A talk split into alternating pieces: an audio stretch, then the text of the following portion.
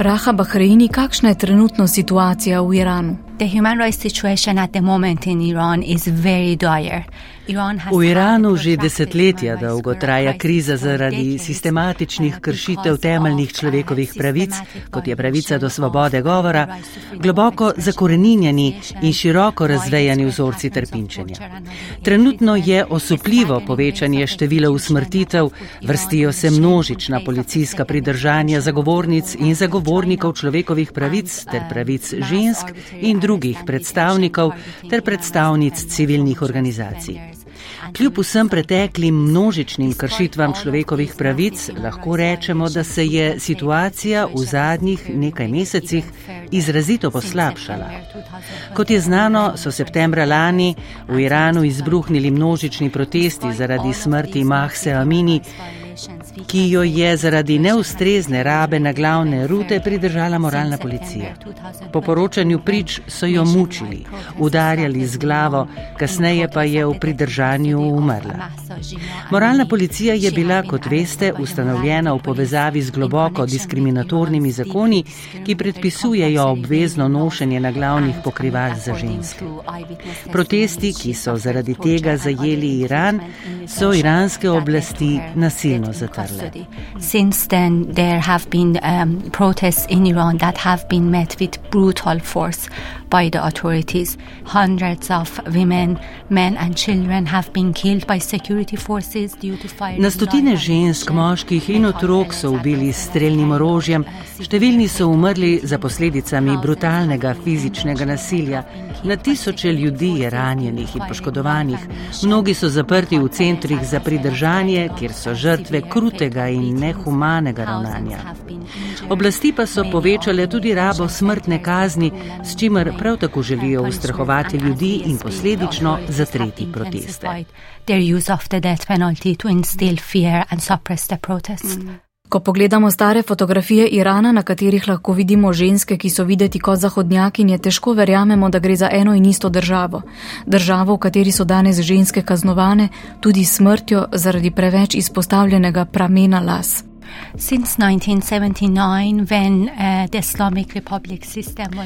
Po letu 1979, ko je bil v Iranu vzpostavljen režim islamske države, se dogajajo sistematično kršenje in sistematični napadi na pravice žensk in deklic. Eni izmed prvih diskriminatornih zakonov, ki so jih sprejeli, so bili zakoni, ki ženskam v javnem prostoru usiljujejo obvezno nošenje na glavne rute. Vse od takrat so oblasti na podlagi videza zabeležile in kaznovale na milijone žensk. Vse od takrat predstavniki oblasti ženske vsak dan nadlegujejo, jih fizično napadajo in jih trpinčijo zaradi domnevno neprimernih oblačil. S temi pravili so ženskam oduzeli osebno avtonomijo, dostojanstvo, samospoštovanje, avtonomijo žensk nad lastnim telesom ter enakost. Um, For decades, women have been challenging Ženske so več desetletij prisiljene v obvezno pokrivanje in so žrtve tudi drugih diskriminatornih zakonov, kot sta denimo družinski in kazenski zakonik. Številne ženske, ki so zavračale obvezno nošenje na glavne rute, so izgubile službo, imele onemogočen dostop do izobraževanja in drugih javnih storitev. Zdaj je nastopil trenutek množičnega nasprotovanja obveznemu pokrivanju, ženske zahtevajo pravico do svobodnega izražanja in pravico do svobodne izbire lastnih oblačil. To express themselves uh, and to have freedom of uh, clothing. Uh, compulsory veiling in Iran represents um, Obvezno pokrivanje v Iranu pomeni vsakodnevno obsojanje žensk. To je najbolj skrajna oblika diskriminacije in nasilja ter je simbol diskriminatornega političnega sistema v Iranu. Sedanje dogajanje vzbuja upanje, saj so moški in ženske zdaj stopili skupaj in se temu uprli. Seveda pa moram dodati, da se protestniki in protestnice ne borijo le proti obveznemu pokrivanju žensk, temveč si prizadevajo za splošno svobodo, enakost in dogajanje je rezultat desetletij represije in zatiranja ljudi v državi. And represent outrage over decades of repression in the country. Medtem ko za mnoge naglavna ruta predstavlja simbol zatiranja, je za nekatere še vedno simbol svobode.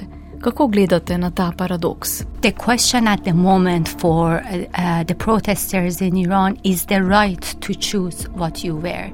Trenutno je v spredju vprašanje pravice do izbire.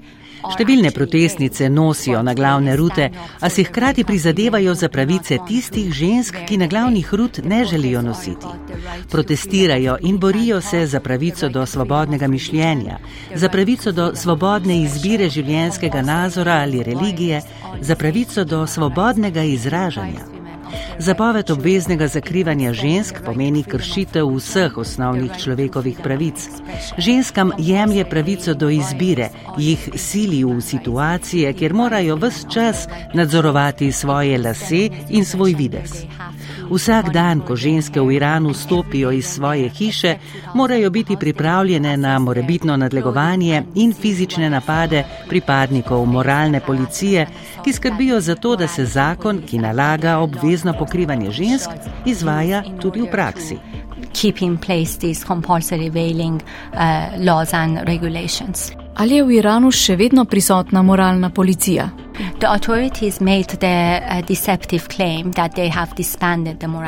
Oblasti trdijo, da so moralno policijo ukinile. V resnici pa seveda obstaja cela paleta zakonov, odlokov in pravil, ki usiljujejo ženskam obvezno pokrivanje. Ženske v Iranu nimajo dostopa do javnih storitev, nimajo vstopa v denimo javne bolnišnice ali druge javne ustanove, če ne nosijo na glavne rute. Pripadniki oblasti gredo celo tako daleč, da ženskam, ki vozijo lasten avto brez naglavne rute, vozilo zaplenijo. Mnogo žensk zavrača nošenje na glavne rute. Na posnetkih iz Irana lahko vidimo ženske, ki na ulicah protestirajo brez naglavnih rut, ženske, ki v znak protesta ne nosijo na glavnih rut. In recent months, because of the courageous activism of protesters and women's rights activists, Drži, v zadnjih mesecih lahko zaradi pogumnih protestnic in aktivistk za človekove pravice. vidimo predvsem v velikih mestih, da vse več žensk hodi po ulicah brez naglavne rute. Morate pa vedeti, da gre za izjemno pogumne posameznice, kajte vedo, da jih lahko v vsakem trenutku aretirajo, kriminalizirajo in na podlagi obstoječe zakonodaje tudi kaznujejo kaznujejo. Obsodijo jih lahko na zaporno kazen ali celo smrt.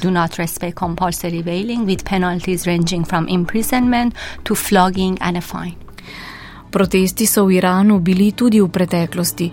V čem se tokratni protesti razlikujejo od preteklih? In some ways, the ongoing protests are the continuation V nekaterih pogledih so sedajni protesti nadaljevanje že preteklih protestniških gibanj, ki so zajela Iran po decembru leta 2017.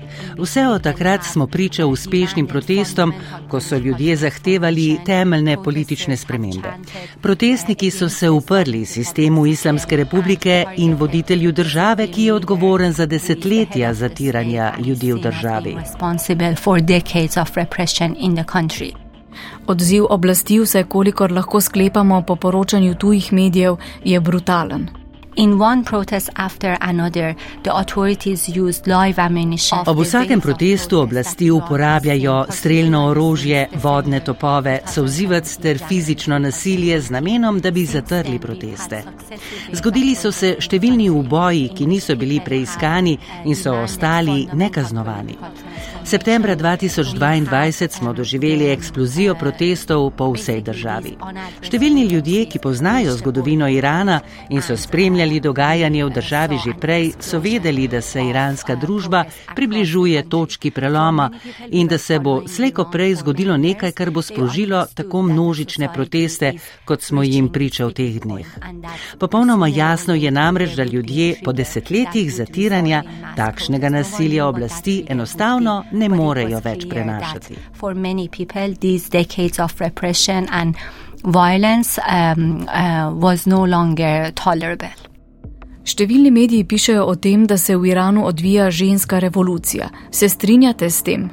It is certainly the case that uh, women are on the forefront of this progressive movement for. Uh, Vsekakor so ženske uh, tiste, ki so na čelu tistih naprednih civilnih gibanj, ki si prizadevajo za spremembe, ki zahtevajo enakost. Navdihujoče je opazovati, da družba kot celota razume, kako pomembne so pravice žensk. Ljudje vedo, da če želi Iran doseči tudi druge družbene spremembe, mora najprej začeti spoštovati pravice žensk in druge temeljne človekove pravice. V tem smislu je ta upor, ki smo mu priča, v prvi vrsti boj za pravice žensk, kajti, kot rečeno, ljudje vedo, kako so kršitve pravic žensk povezane z drugimi kršitvami človekovih pravic, ki se v Iranu dogajajo že več desetletij. Če jih naštejem le nekaj, to je diskriminacija manjšin, napadi na pravico do življenja in napadi na dostojanstvo. Skratka, protestniško gibanje predstavlja vse te zahteve, ki so med seboj povezane, njihov skupni imenovalec pa je zahteva po bolj pravični in humani družbi.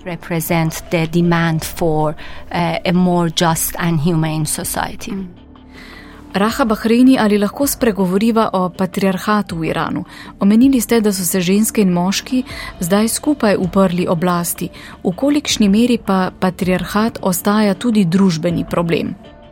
Definitivno, um, patriarchy and gender-based violence. Patriarhat in nasilje zaradi spola sta velik problem, ki je prisoten po vsem svetu. Ženske povsod doživljajo grozljivo nasilje zaradi spola in diskriminacijo. Razlika je v tem, da sta v Iranu nasilje in diskriminacija del pravnega in pravosodnega sistema. Prvi korak bi moral biti, da oblasti ukinejo diskriminatorne zakone, spremenijo družinski zakonik in kazenski zakonik ter zagotovijo nediskriminacijo, enakopravnost in enakost. Še posebej pomembno bi bilo kriminalizirati družinsko nasilje, posilstvo znotraj zakonske zveze in otroške poroke. Spremembi zakonodaje pa bo sledil najbrž precej dolgotrajen proces implementacije zakonodaje v praksi. Spolno nasilje in nasilje zaradi spola ne bo izginilo čez noč, a najprej potrebujemo sistemske rešitve. Bistvo problema je, da je oblast dolga leta kriminalizirala zagovornice in zagovornike pravice žensk. Namesto, da bi jim prisluhnili in konsolidirali njihove zahteve, so številne aretirali in zaprli.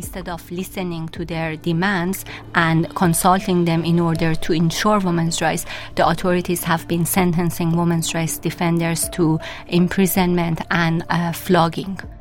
Pokazali ste mi fotografije oseb, ki so jih pripadniki oblasti aretirali, ugrabili, mučili, številne med njimi ubili. Fotografije zelo mladih ljudi, tudi otrok. Since the eruption of the protests in September, the authorities have been waging a brutal Po razmahu protestov septembra lani so oblasti začele z brutalnimi napadi na pravico do življenja. Proteste želijo ustaviti in ljudi hočejo utišati, čeprav za ceno življenja. Varnostne sile streljajo na ljudi. Ta njihova smrtonosna taktika se je do zdaj pokazala v stotinah ubitih moških, žensk in otrok. Po naših preiskavah je bilo v zadnjih treh mesecih ubitih več kot 44 otrok. Večina je bilo dečkov, ki so bili ustreljeni v glavo, v srce ali v kakšen drug vitalni organ. Vsaj štiri deklice so pripadniki varnostnih sil pretepli do smrti. Šestletna deklica je umrla zaradi sozivca, ki so ga usmerili vanjo. Ta brutalnost kaže, kako daleč so iranske oblasti pripravljene iti z namenom, da ohranijo lastno pozicijo moči in kako se ne ozirajo na osnovno pravico ljudi do življenja no regard whatsoever for the right to life. Kako komentirate odziv mednarodne javnosti?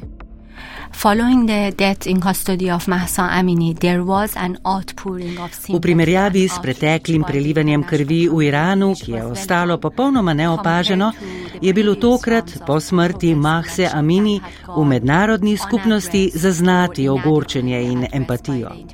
Čeprav so pri Svetu za človekove pravice v Združenih narodih potrebovali kar nekaj časa, da so se zbrali in odzvali na dogajanje v Iranu, je vsekakor dobrodošlo, da so sprejeli resolucijo, po kateri so ustanovili preiskovalno skupino, da razišče dejstva glede kriminalnih dejanj in hudih kršitev človekovih pravic, ki so jih zagrešile iranske varnostne sile po septembru lani.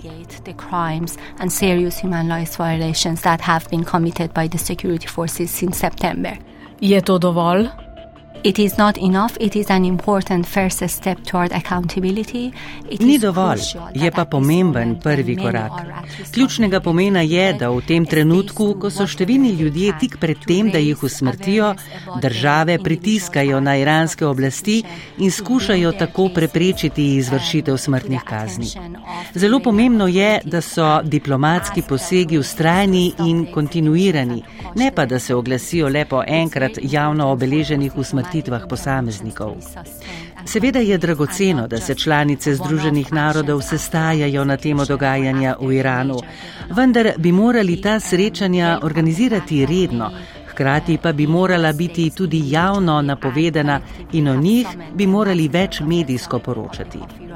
Zelo je ohrabrujoče dejstvo, da so se številne poslanke in poslanci v mnogih evropskih državah zavezali k temu, da so tako imenovani varuhi tistih, ki v Iranu čakajo na smrtno kazen.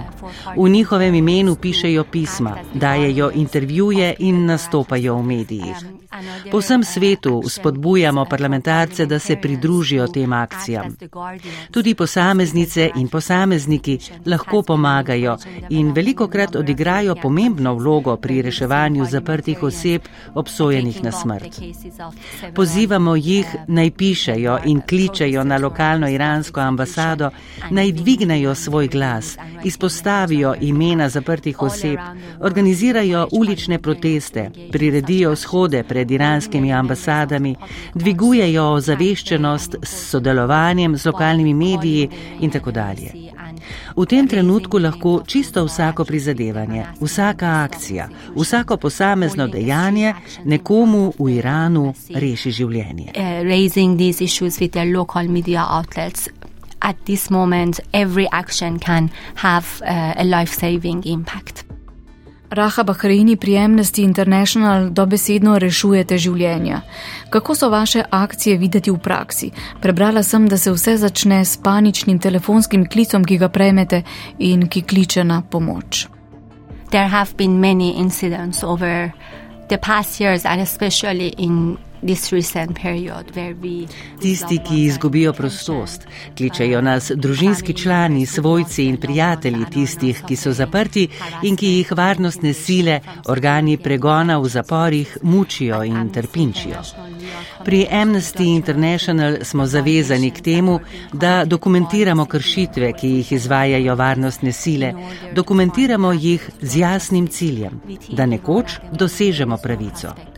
V Iranu je namreč trenutno celoten zakonodajni in pravosodni sistem orodje za zatiranje ljudi. Prav tako ni neodvisnih preiskovalcev, ki bi preiskovali povzročena kriminalna dejanja. Zato je pomembno, da zberemo in hranimo dokaze teh kriminalnih dejanj, da bodo povzročitelji nekoč lahko po pravni poti tudi preganjani. Te kršitve človekovih pravic dokumentiramo tudi zato, da pokažemo solidarnost z družinami, ki nepredstavljivo trpijo in ki zaradi zastraševanja in grožen ne morejo javno spregovoriti o grozotah, ki so doletele njih in njihove družinske člane. Z dokumentiranjem teh hudih kršitev človekovih pravic, s tem, ko jih posredujemo tujim vladam, mednarodnim organizacijam in medijem, dajemo tudi žrtvam sporočilo solidarnosti. Sporočilo, da obstaja upanje, da nismo pozabili na nje in da so za njihovo trpljenje izvedeli ljudje po vsem svetu. Um,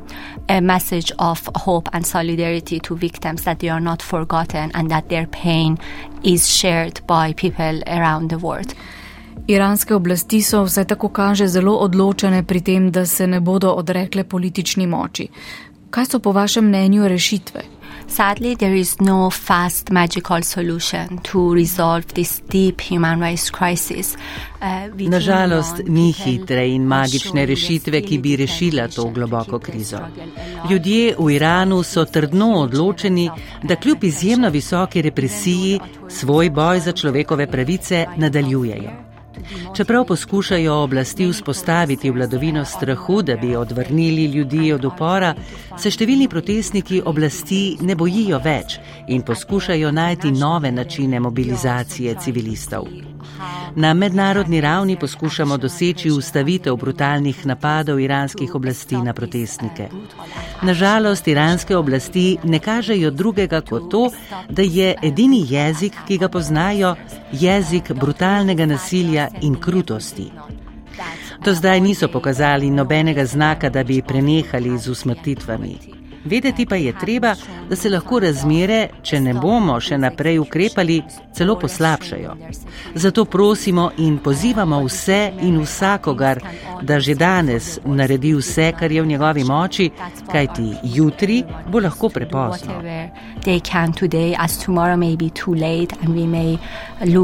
Um, uh, Raha Bahrini ali je v Iranu kljub množičnemu žalovanju vendarle občutiti kakšno upanje med ljudmi? Ordinary members of the public these days that while Ljudje žalujejo, a hkrati so bolj polni upanja kot kadarkoli. Vidijo namreč, da se je iranska družba postavila na noge, stopila skupaj v boju za spremembe.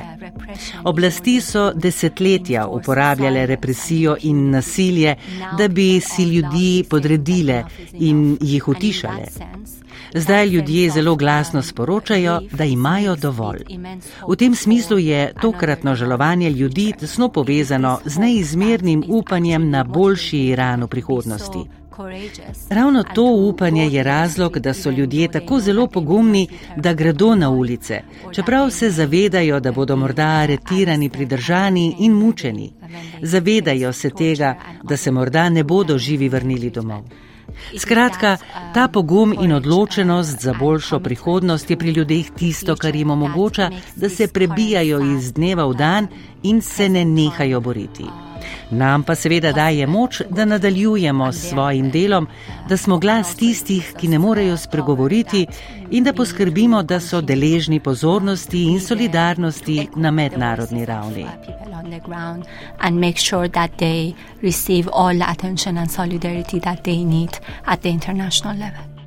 Odprto in javno govorite o dogajanju v Iranu, ali vas je zaradi tega strah, dobivate kakšne grožnje, ali lahko o tem sploh govorite? Uh, I have the privilege of working for a big international human rights organization like Amnesty International that grants me a certain level of protection that many Privilegij imam, da delam za tako veliko človekoljubno organizacijo kot je Amnesty International, ki mi zagotavlja takšen nivo zaščite in varnosti, kot ga mnogi lokalni zagovorniki in zagovornice človekovih pravic nimajo. V tem trenutku iranski vladni aparat povečuje pritisk, stopnjuje grožnje in nadlegovanje aktivistov, zagovornikov človekovih pravic in novinarjev, ki delujemo izven Irana. Številni novinarji in novinarke poročajo o tem, da njihove sorodnike v Iranu ustrahujejo, kličejo na zaslišanja in jim grozijo, da če njihovi sorodniki, ki so novinarji, ne bodo prenehali poročati o Iranu, bodo sami trpeli posledice. Takšne taktike iranskih oblasti so odnegdaj obstajale. Vedno so ljudi nadlegovali, ustrahovali, dogajale so se ugrabitve in umori. Vendar zdaj postajajo razmere za aktiviste in novinarje zunaj Irana še bolj nevarne. Zato, da nimo Amnesty International poziva vse države, da iranskim ubežnikom, kot tudi aktivistom za človekove pravice in novinarjem, zagotovijo takšno stopnjo zaščite, da lahko varno opravljajo svoje delo. Vlade pozivamo, da grožnje iranskih oblasti, ki so jih deležni iranski disidenti, obravnavajo resno in jih tudi dosledno preiščejo. Prav tako je zelo pomembno, da so iranske obveščevalne službe, ki delujejo zunaj Irana, nadzorovane, da jih pristojni organi držav ustrezno preiščejo in jih ne vračajo v Iran nekaznovane.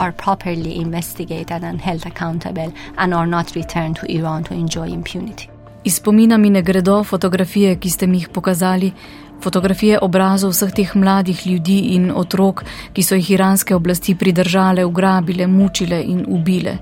Na nekem protestniškem transparentu sem nedavno zasledila napis: Nehajte ubijati mlado generacijo Irana.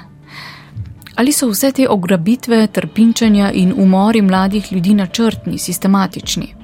Uh, young people uh, have a very noticeable presence in this um, protest movement. Mladi ljudje so v protestniškem gibanju zelo prisotni. Pravzaprav so v ospredju tega pogumnega protestniškega gibanja. Podobno kot drugod po svetu so prav mladi gonilna sila upora in boja za spremembe. Strategija Islamske republike je jasna. Pri mladih hočejo zrušiti njihov duh upora. To počnejo s tem, da ljudi kar na ulici ubijajo in to lahko počnejo zato, ker jim iranski pravosodni sistem to omogoča. V preteklih nekaj tednih so usmrtili fante v zgodnjih 20 letih in najstnike. Tudi sicer so večinoma mladi ljudje najpogostejše žrtve te smrtonosne represije. Oblastem je popolnoma jasno, da obstaja velik prepad med vladajočo garnituro, ki vlada z diskriminacijo, nasiljem in nekaznovanostjo, ter mlajšo generacijo, ki si želi popolnoma drugačno življenje generation um, that wants a completely different uh, life. Kakšni so vaši cilji in upi za prihodnost? I very much hope that uh, this uh, bloodshed stops. Močno upam, da se bo prelivanje krvi nehalo in da bodo vsi, ki so pridržani zaradi miroljubnega prizadevanja za človekove pravice, tudi izpuščeni. Upam tudi, da bo nastanek novega Irana prinesel ustavo, ki spoštuje temeljno svobodo in človekove pravice. Prav tako upam, da bomo s pomočjo Združenih narodov vzpostavili pravni sistem, s pomočjo katerega bodo lahko stekle preiskave ter nacionalni in mednarodni pregon tistih, ki so v preteklih štirih desetletjih zagrešili zločine proti človečnosti. Upam tudi, da bo smrtna kazen takoj ukinjena in da se bo Iran pridružil večini tistih držav, ki so to nehumano in kruto kazen opustile, ter da bo Iran podpisal vse pomembne mednarodne konvencije ter poskrbel za pravni sistem, ki bo zagotavljal, da se kaj takšnega nikoli več ne bo ponovilo.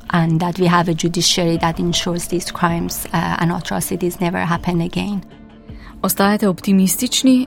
Štiri desetletja takšne represije namreč zelo dolgo obdobje. Uh, I think uh, more hopeful than ever.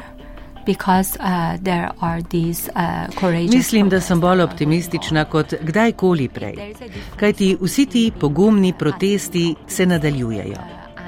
Obstaja tudi razlika med pasivnim optimizmom in upanjem, ki je povezano s tem, da si za spremembo tudi aktivno prizadevaš. Narediti moramo absolutno vse, da se razvoj v smeri sprememb, v smeri spoštovanja človekovih pravic nadaljuje. V teh razmerah ne moremo sedeti križem rok in upati na čudež.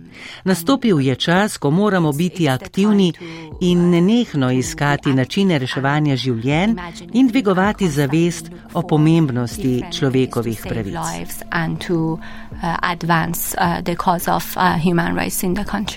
Raha Bahreini, kaj lahko naredijo posameznice in posamezniki, ki ne živijo v Iranu?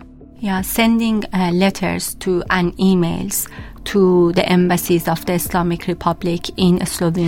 Pošiljajte pisma in elektronsko pošto ambasadam Islamske republike v Sloveniji in v drugih državah, predstavnikom Islamske republike v Ženevi in New Yorku. V preteklosti smo namreč lahko videli vpliv kampanj pisanja pisem. Zelo učinkovito je tudi to, da posameznice in posamezniki preprosto zasujejo ambasade s telefonskimi klici v podporo tistim, ki čakajo na usmrtitev. Zelo je pomembno, da o ljudeh, ki so pridržani in obsojeni na smrt, ne govorimo le kot o številkah, temveč govorimo o konkretnih imenih in priimkih, da javno objavljamo fotografije njihovih obrazov. Bolj ko so prepoznani, težje bodo iranske oblasti smrtne kazni izvršile. Vemo namreč, da večinoma usmrtijo tiste, ki so javnosti manj znani. Zato lahko vsak novinar ali novinarka odigra pomembno vlogo, če objavi zgodbo tistega ali tiste, ki je trenutno v smrtni nevarnosti.